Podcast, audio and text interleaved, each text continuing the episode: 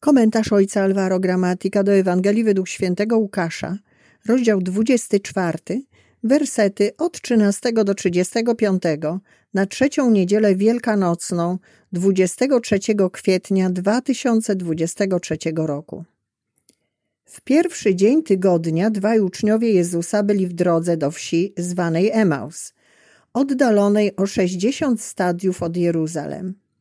Rozmawiali oni ze sobą o tym wszystkim, co się wydarzyło. Gdy tak rozmawiali i rozprawiali z sobą, sam Jezus przybliżył się i szedł z nimi. Lecz oczy ich były jakby przesłonięte, tak że go nie poznali.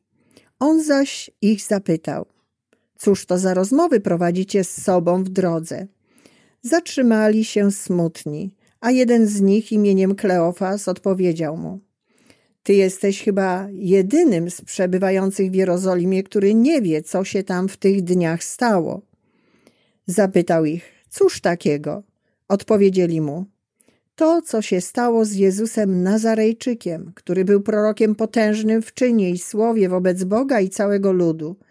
Jak arcykapłani i nasi przywódcy wydali go na śmierć i ukrzyżowali a my spodziewaliśmy się, że On właśnie miał wyzwolić Izraela.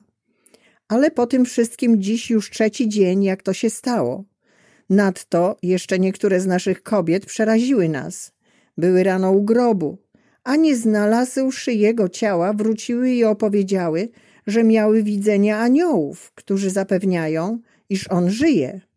Poszli niektórzy z naszych do grobu i zastali wszystko tak, jak kobiety opowiadały, ale jego nie widzieli. No to on rzekł do nich: O nierozumni, jak nieskore są wasze serca do wierzenia we wszystko, co powiedzieli prorocy. Czyż Mesjasz nie miał tego cierpieć, aby wejść do swej chwały? I zaczynając od Mojżesza poprzez wszystkich proroków, wykładał im, co we wszystkich pismach odnosiło się do niego. Tak przybliżyli się do wsi, do której zdążali, a on okazywał, jakby miał iść dalej. Lecz przymusili go, mówiąc: Zostań z nami, gdyż ma się ku wieczorowi i dzień się już nachylił. Wszedł więc, aby zostać wraz z nimi. Gdy zajął z nimi miejsce u stołu, wziął chleb, odmówił błogosławieństwo, połamał go i dawał im. Wtedy otworzyły się im oczy i poznali go, lecz on zniknął im z oczu. I mówili między sobą: Czy serce nie pałało w nas, kiedy rozmawiał z nami w drodze i pisma nam wyjaśniał? W tej samej godzinie zabrali się i wrócili do Jeruzalem. Tam zastali zebranych jedenastu, a z nimi innych, którzy im oznajmili. Pan rzeczywiście zmartwychwstał i ukazał się Szymonowi. Oni również opowiadali, co ich spotkało w drodze i jak go poznali przy łamaniu chleba. Uczniowie byli w drodze do wioski Emaus, zasmuceni śmiercią Jezusa i końcem nadziei mesjańskiej złożonej w Nazareńczyku. Do tego dochodziła wiadomość od kobiet, które nie znalazły jego ciała, ale przyszły powiedzieć, że widziały aniołów, którzy zapewnili, że Jezus żyje. Można by powiedzieć, że oprócz straty był też jakiś żart. Biedni uczniowie, zagubieni zdezorientowani, bardzo podobni do nas. Oto sam Jezus zbliża się do nich, a oni go nie rozpoznają. Tak mocno trwali w swoich przekonaniach. W tym kontekście Jezus, po wysłuchaniu ich, zaczyna wyjaśniać w innym świetle wydarzenia, których byli świadkami. To tak jakby Jezus przewijał taśmę tego samego filmu w drugą stronę. Uczniowie mówili o niepowodzeniu i zamknięciu pewnego rozdziału życia. Jezus natomiast mówi o spełnieniu obietnic, zaczynając od Mojżesza i wszystkich proroków.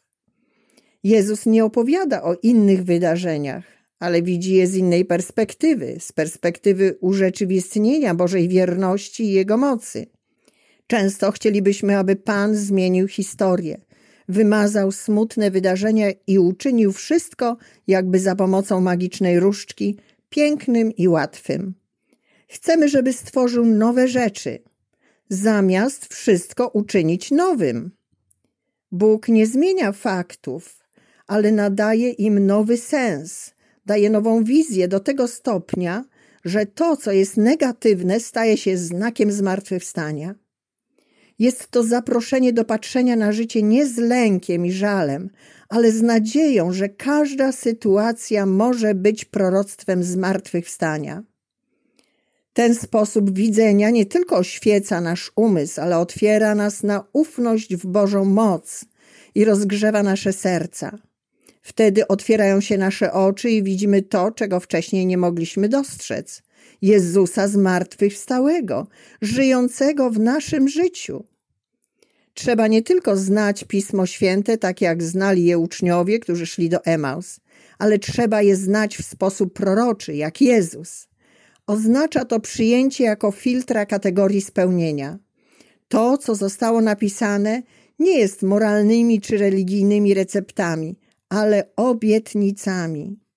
Obietnice te niosą ducha zmartwychwstania, który daje nam możliwość dostrzegania nadziei nie tylko w pojedynczych faktach, ale pozwalają nam widzieć w każdym wydarzeniu ziarno zmartwychwstania i Boga już obecnego.